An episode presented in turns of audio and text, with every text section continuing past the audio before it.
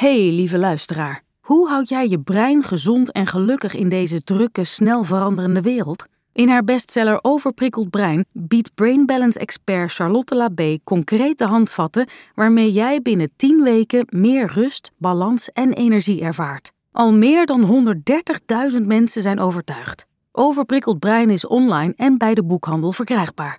En dan gaan we nu door naar de podcast. Wat we tegenwoordig te veel zien is, we zien een ziekte als iets waar je, je moet weer uh, de oude worden. Terwijl die ziekte is een ervaring die iets met jou doet en die ma maakt jou een wijzer mens of een beter mens of in ieder geval een ander mens. En uh, dat kan je beter maar beseffen, want dan heb je meer kans dat je het zeg maar ten goede keert dan dat je de hele tijd maar probeert om die ouder te worden, want dat lukt niet meer. Welkom bij Lieve Frank, een podcast waarin ik brieven beantwoord over dilemma's in het leven. Jullie brieven. Met hulp van filosofie bied ik een ander perspectief op grote en kleine problemen. Ik ben filosoof en auteur Frank Meester. En ik ben Rachel van der Pol, jouw host. Met deze podcast hopen wij het leven lichter te maken, of in ieder geval een beetje. Vandaag behandelen we de brief van Diana, die long COVID heeft en benieuwd is of ze ook anders naar haar ziekte kan kijken. Rachel leest de brief voor.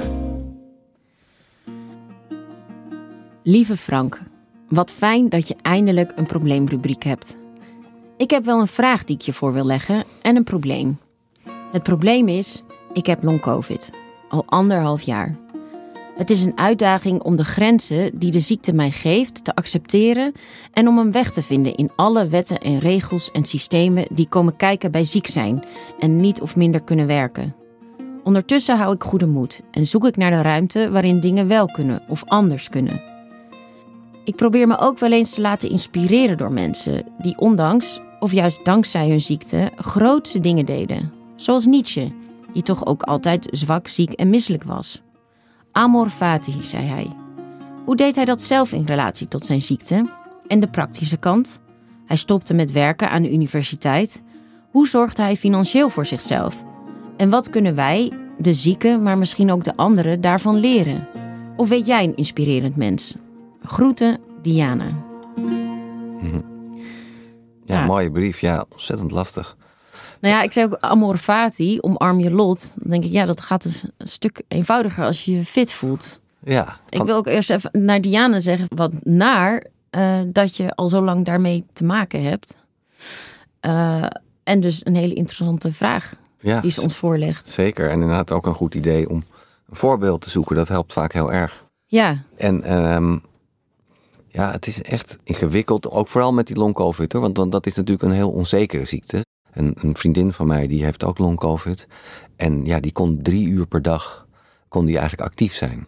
En op een gegeven moment, en dat was in precies vanwege die onzekerheid. En toen heeft die arts tegen haar gezegd: Ga er nu maar gewoon van uit dat het je hele leven zo blijft. Dan kan het alleen maar meevallen, zeg maar. Ik bedoel, dat ja. zei hij er geloof ik niet bij, maar dat was wel zijn bedoeling. En dat heeft haar wel geholpen. Ja, ja, en wat jij zegt ook, die onzekerheid. Want ik heb toevallig uh, vorig jaar een arts hierover geïnterviewd... die gespecialiseerd was in long-covid en vooral de support van patiënten. En wat zij ook zei was, we vinden elke keer weer een puzzelstukje... Uh, maar dan moeten we weer kijken waar past dat puzzelstukje dan. En dus die puzzel is nog lang niet gelegd. En uh, patiënten hebben dus nog altijd geen zicht op een remedie.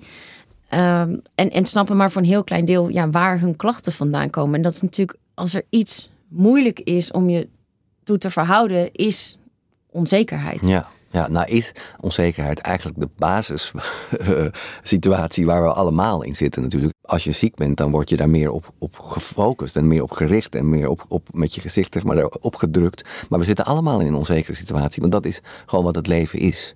Ja. dat, niet dat het daarmee goed is of zo hoor, omdat het makkelijk is, maar je kan onder een auto uh, stappen morgen. Er kan een meteoriet inslaan overmorgen en het leven kan voorbij zijn. Dat is gewoon eigenlijk het uitgangspunt van het leven. En op een of andere manier weten we daar allemaal toch mee te leven. Ik denk in een zekere zin door ons zelf een beetje voor de gek te houden. Door net te doen alsof we wel controle hebben. Dus wat dat betreft moeten we allemaal.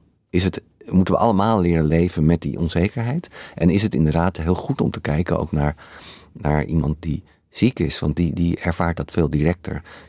Ja, dat, dat eh, daar ben ik het inderdaad helemaal mee eens. Want het is eigenlijk al zo. Iedereen heeft onzekerheid, maar je hebt het pas door. Helemaal, denk ik, hier in, dit, in het Westen. Veel Mhm. mensen hebben zekerheid van eten, dat de treinen rijden, dat we min of meer genoeg geld hebben. Dus dat geeft een soort illusie dat we controle hebben. En ik weet zelf nog, eh, of, nou ja, heel goed, omdat het nog helemaal niet zo lang geleden was. Mijn vriend en ik hebben lang een kinderwens gehad. En uiteindelijk hebben we één kindje gekregen. We hadden ook graag een broertje en zusje gewild. Eh, maar iedereen die eh, moeite heeft gehad met een kinderwens, weet hoe, ja, eigenlijk hoe killing dat proces is. Want dan, tenminste voor mij denk ik, was het voor het eerst dat ik besefte, controle is een illusie. Ik heb helemaal niks te zeggen over de dingen die belangrijk voor mij zijn. Helemaal niks. En dat vond ik eh, jaren niet te verkroppen. Ik heb daar echt onder geleden, om het zo te zeggen. Ja. Ik vond dat echt lijden. Ik vond dat echt afzien. En eh, daar heb ik me toe moeten zien te verhouden. En dat is een ontzettend moeilijk proces. Ja, ja. Eh, door heel veel, door meditatie, door filosofie, door boeken. En, en dus uiteindelijk is het mijn grootste les geweest. Ja. Dat wil ik wel zeggen. Het is mijn grootste les geweest. Maar Het is ontzettend moeilijk. Ja, nee, het is heel moeilijk. En ehm, er zijn in de oudheid zijn er allemaal filosofische scholen ontstaan.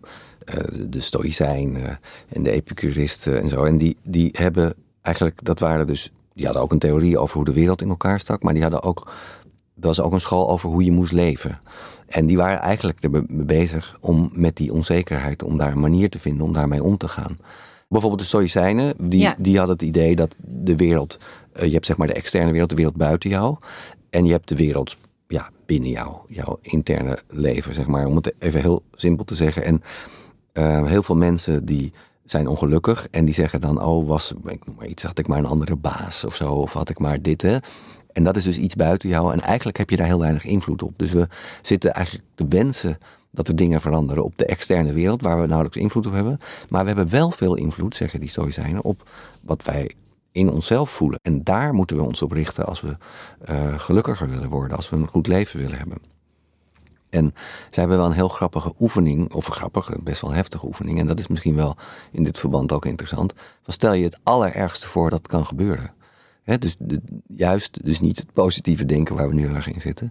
Maar probeer nou eens te kijken, wat is het ergste wat kan gebeuren? En ja, soms helpt dat. Soms Ja. helpt dat om dat juist ook een beetje zo te zien. En dan denk je, oh ja, maar daar kan ik nog zelf, ben ik er nog wel. En ik kan nog dit en dat doen. En ik, hè, ik ben daar nog. En ehm, ja, dat is misschien iets waar we allemaal wat aan hebben, denk ik, aan dat soort methoden. Want we moeten er uit- uiteindelijk allemaal met die onzekerheid omgaan. Maar waar je als zieke zeker iets aan hebt. En als je dan het allerergste voorstelt, is dat dan heilzaam omdat je dan denkt: oké, dat, dat zou ik kunnen dragen. Ja, precies. Het kan, het kan dus, da- daar kan ik nog steeds mee leven. Daar kan ik nog steeds mee Ja, leven. Ja. Maar het kan ook zijn dat je denkt, bijvoorbeeld zoals dat voorbeeld van die vriendin, die arts zegt van, nou ga er maar van uit dat het zo blijft. Ja, dan, dan denk je, oké, ja, nou ja, dan moet Dit ik is dus mijn leven. dit is mijn dat leven. ga ik dan nu en, en daar ga ik, dat ga ik omarmen. Ja. Ja, dus het is ook overgave. Het is ook overgave, ja. Het is een, zeker een soort overgave, maar wel dus... ehm, nou ja, het lijkt eigenlijk... Dus Nietzsche was eigenlijk ook wel een... eh, die eh, was ook wel eh, gecharmeerd van die stoïcijnen. En dat idee waar, waar eh, Diana zelf ook al over begon met ja, het amor inderdaad. Zij vraagt ook van ja, hoe deed hij dat nou hoe, eigenlijk? Hoe deed hij dat? Precies, dat amor fati. Dat, dat is dus omarm je lot. Ja, dat, dat, dat zit hier natuurlijk heel erg in. Want kan, kan je iets meer vertellen over Nietzsche? Laten we daarmee Ja, beginnen. ja, nou, Nietzsche was een, een ja, filosoof. Hè, die leefde, of, of eigenlijk was hij trouwens geen filosoof, want hij studeerde filologie. Hè, dus de leer, dus de, dat ging om oude talen. Dus hij wist heel veel van het Grieks en Latijn. En, en ehm, hij was eh, heel erg briljant op alle fronten. Alleen was hij heel slecht in wiskunde. Zijn wiskundeleraar die, die, die wilde hem eh, niet laten slagen. Maar zijn eh, docent klassieke talen zei nou als deze man of deze jongen niet, eh, niet slaagt, dan eh, ja, dit is de, de briljantste leerling die ik ooit heb gehad. Toen heeft hij dus dat filologie gestudeerd. Toen was hij ook, toen is hij daarin afgestudeerd, toen is hij direct hoogleraar geworden.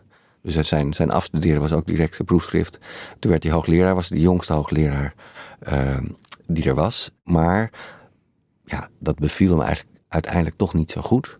Dat hoogleraarschap. En hij krijgt dus inderdaad last van ziekte, eh, heftige migraine, heel veel hoofdpijn. Kon hij tijdenlang niks doen. En toen is hij uh, eigenlijk vrij snel met pensioen gegaan. Uh, of nou, pensioen is niet het juiste woord, maar kon hij daar weg. En, hij is gestopt ja, en hij, had een klein pensioen. Ja, precies, precies. Dus hij had wel wat geld, maar niet, veel, niet zo heel veel geld. Nee. En eigenlijk heeft hij daarna toch grotendeels een soort zwervend bestaan geleid. En hij was daar hij, ging steeds naar plekken toe die goed waren voor zijn ziekte. Dus, en dat was dan uh, in de zomer weer een andere plek dan uh, in uh, de winter. Maar hij zat veel in de bergen, in Italië en um, in Turijn. En, en, op een gegeven moment ging hij heel veel wandelen. Hij had ook de indruk dat het heel goed was, ook hoog in de bergen. En door dat wandelen ging hij ook weer specifiek soort teksten schrijven. Want hij schreef dan onderweg op kleine papiertjes. Want bij zo'n wandeling kan je natuurlijk niet eindeloos lange teksten. Dus zijn teksten waren vaak aforistisch, korte uitspraken. Dus zijn teksten veranderden eigenlijk ook door, dat, door zijn ziekte en door zijn manier van leven. En... Um, maar hij ging dus van plek naar plek. Hij was dus eigenlijk een soort buitenstaander. Uh, precies. Door die ziekte werd hij een soort buitenstaander. En ging hij inderdaad ook wat meer weer als een buitenstaander naar de maatschappij kijken. En het grappige is, hij zag zichzelf eigenlijk vooral als een soort arts van de cultuur. Oh, echt? Ja, dus hij was een soort. Hij, hij wordt ook wel de filosoof met, het, met de hamer genoemd. Uh, Paul van Tonger, een Nederlandse filosoof en kenner van het werk van Nietzsche, zegt: het is niet zozeer. Je moet het niet zozeer als een moker zien waarmee hij de, de, de theorieën voor hem en de ideeën voor hem stuk slaat. Maar meer als een doktershamertje. Dus waarmee hij op de knie tikt. Om te kijken of de reflexen nog wel goed zijn. En waarmee hij op holte stikt. Om te kijken of die wel of die ontstoken zijn. Of die wel leeg zijn. En, en hoe die klinken en zo. Dus hij, hij zag zich een beetje als de arts van de cultuur. Ja.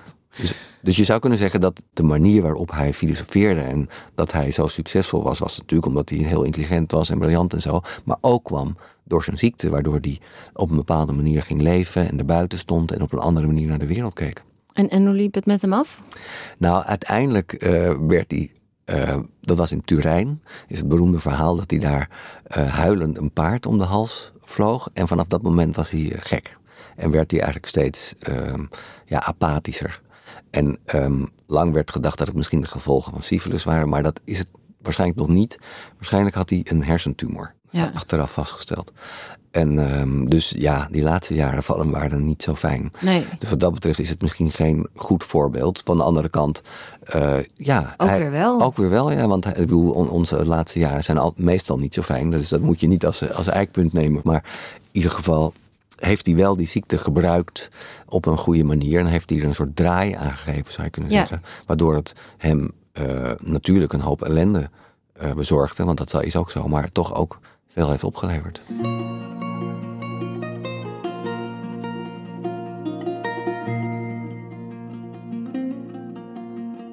We leven in een maatschappij waarin een, waarin een illusie van controle is.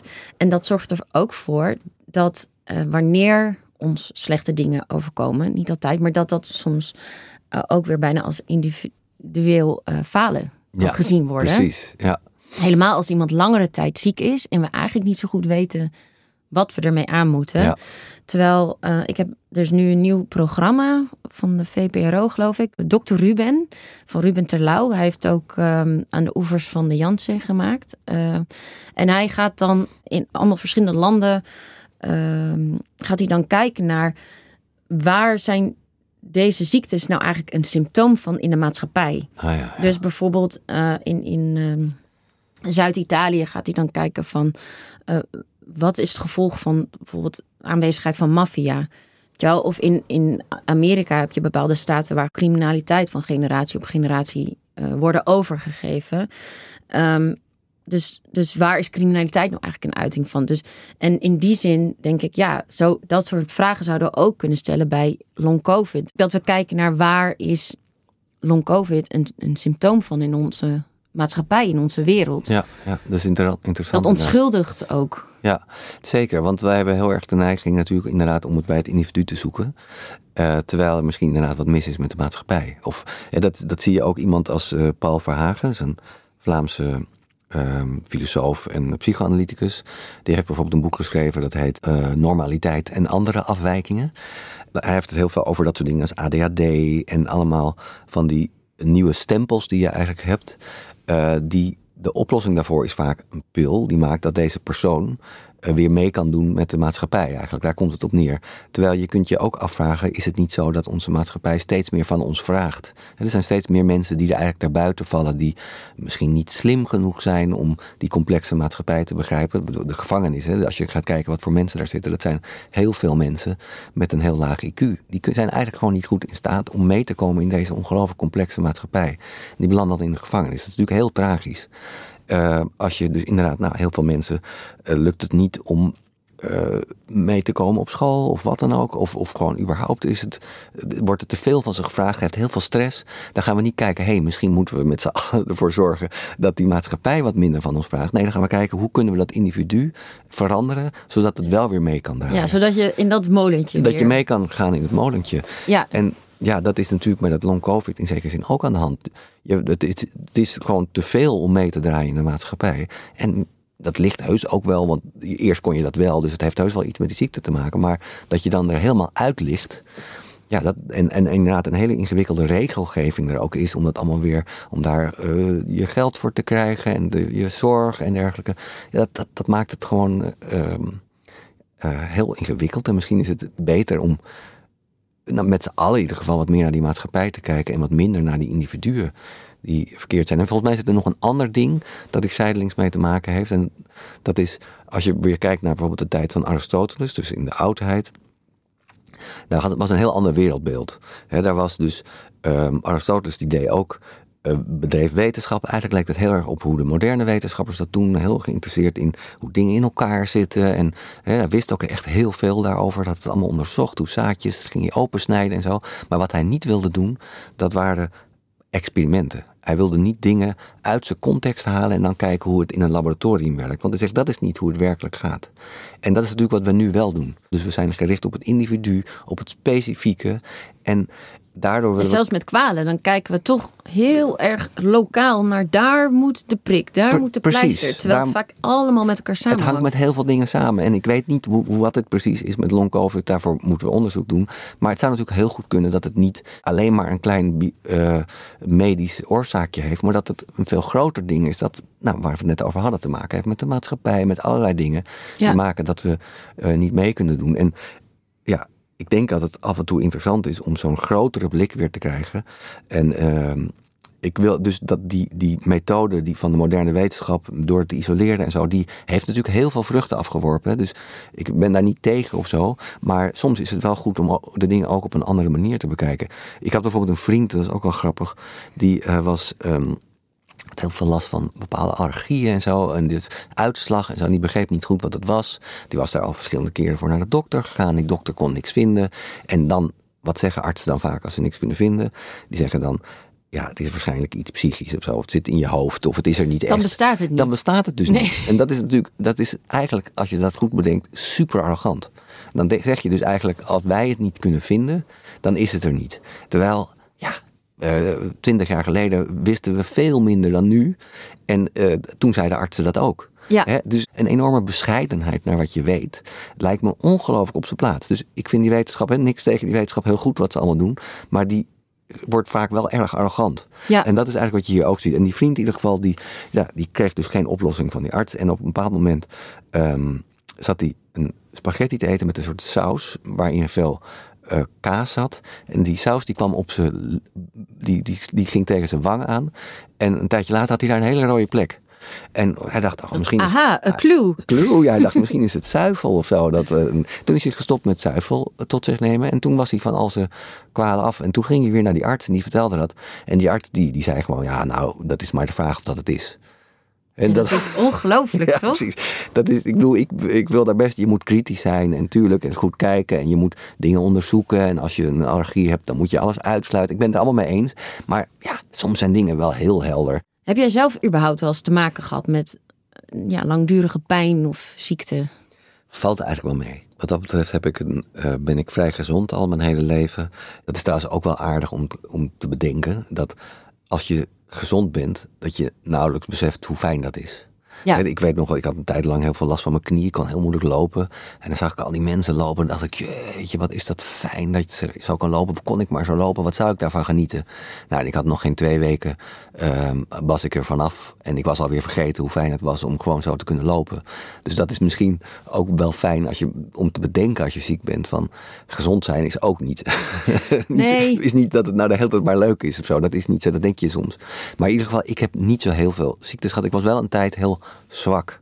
Dat ik gewoon mm, merkte dat als ik maar even uitging of iets dergelijks, dat ik dan altijd weer de volgende dag ziek was. Waardoor ik heel veel dingen niet heb gedaan of zo. Omdat ik gewoon merkte dat ik, ja, mijn, weerstand is wel echt wel, wel tien jaar lang niet zo goed geweest. En dat, dat, ja, dat maakt toch dat je op een heel voorzichtige manier leeft en daar steeds rekening mee houdt. Ja, waar ik op aansla bij jou, wat jij zegt van, oh, had ik maar dit of dat, of als ik mijn leven zo zou zijn, dan, weet je wel. Ik heb laatst eh, een boek gelezen, net uit, The Midnight Library van Matt Haig. Eh, dat geloof ik best wel beroemd boek. Wat daarin gebeurt is dat er een, ehm, een vrouw eigenlijk gewoon niet meer wil leven. Nou ja, alles wat ze heeft geprobeerd of waar ze goed in was, is mislukt of heeft ze uit angst niet gedaan. Uh, en en dat, dan komt ze op een punt van ik, ik, wil, ja, ik wil sterven. En dan, en neemt ze een overdose van iets. En dan komt ze in de Midnight Library. Ja, dit klinkt heel vaag, maar het concept van het boek gaat eigenlijk van wat zij mag doen, is kijken van welk leven zou beter bij mij passen. Dus ze mag allemaal uh, levens uit gaan proberen. Dus hè, het leven waarin ze wel een Olympisch uh, zwemster was geworden, of wel bij die rockband was gebleven, of mee was geweest met backpacken. En waar zij dan uiteindelijk achter komt, is: ik, ik heb me in elk leven tot mezelf te verhouden. Ja, ik wil eigenlijk niet. Ik wil, ik wil eigenlijk dat Diana dit gaat lezen, want het is zo, het is zo prachtig geschreven. Maar wat we moeten onthouden is dat, dat we leven. Ja. Dit is ons leven en we leven nu. En hier moet het mee doen. Ja, het lijkt ook wel heel sterk op dat boek Les Jeux sont faits van Sartre. Ik weet niet of je het kent. De teerling is geworpen, heet het geloof ik in het Nederlands. En daarin ook krijgen mensen de kans om het weer op... Die zijn, komen in, het, in, het, in namaal, zeg maar. En die krijgen de kans om het nog een keer te doen. Want ze zijn dan... Oh ja, want ze, ze, houden, ze blijken van elkaar te houden daar. En dat willen ze dan in het echte leven nog een keer kunnen doen. Dan krijgen ze die kans. En eigenlijk doen ze dan in het echte leven weer precies hetzelfde. Uh, dus je hebt, je hebt het gewoon te doen met het leven dat je hebt. En inderdaad, daartoe moet je je verhouden. En het blijkt ook trouwens dat mensen die ziek zijn... Uh, bijvoorbeeld als, me, het ergste, wat, als je aan mensen vraagt, nou wat is het ergste dat je kan overkomen? Dan denken ze, nou een hele erge, ik weet niet, dat mijn benen eraf gaan of zo. En dan als je bij geluksonderzoekers, hè, die, die vragen van tevoren, die vragen op een bepaald moment van hoe gelukkig ben jij? En dan kan je dat aangeven op een bepaalde schaal. En er zijn mensen die hebben dat wereldwijd gedaan. Uh, Ruud Veenhoven is onze Nederlandse geluksprofessor die dat doet. En die heeft dat onderzoek gedaan. En uh, iemand die daar ook weer over schrijft, de psycholoog Ab Dijksterhuis, en die heeft een boek over geluk geschreven. En die zegt, die laat dan zien dat mensen, ik geloof drie maanden al na zo'n grote ramp, uh, wat je dus eerst waar je denkt, nou dat is echt vreselijk als mij het overkomt, zijn ze eigenlijk weer op hetzelfde geluksniveau als daarvoor. Dus we passen ons heel snel aan. Ja, dat is ongelooflijk. Ja, ja, dus heel veel van die dingen zijn, uh, ja, niet zo erg. Dat, ja, het klinkt allemaal lekker makkelijk om dat te zeggen. Maar op een of andere manier vinden we weer een manier om, ja, om daarmee te leven. En krijgen we weer nieuwe doelen. En zijn er weer dingen die we belangrijk vinden.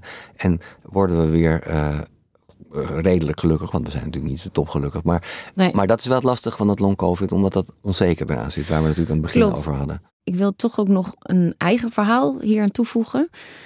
Uh, ik heb nou ja, toen uiteindelijk toen ik wel een kind kreeg, een bevalling, toen heb ik heel veel bloed verloren. Nou, de, daaruit volgde weer um, slecht herstel. En toen kwam ik in een soort slaapcrisis. En daarmee bedoel ik dat het leek wel gewoon of er een knop uitging. En van de een op de andere dag sliep ik gewoon niet meer. Gewoon niet. Oh, dus echt ja.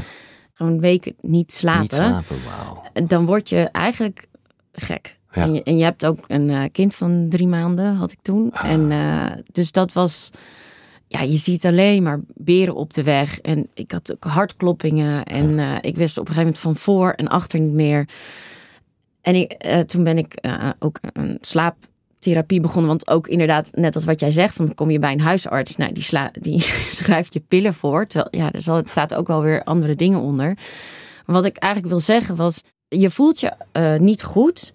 Maar misschien voelde ik me nog slechter. Omdat, daar kwam ik dus achter dat je uh, heel veel stress voelt over het feit dat je niet voldoet aan het beeld wat je vindt dat je moet ja, zijn. Ja, ja, ja.